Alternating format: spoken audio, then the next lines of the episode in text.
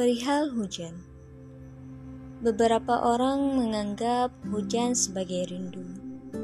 Beberapa orang lainnya menganggap hujan sebagai sendu yang kelabu. Namun, semoga kita adalah orang-orang yang menganggap hujan sebagai rahmat. Bahwa inilah saat yang tepat untuk menedahkan tangan. Sebab Allah sedang membukakan pintu yang begitu luas untuk mengabulkan doa-doa kita hujan di langit yang akan membasahi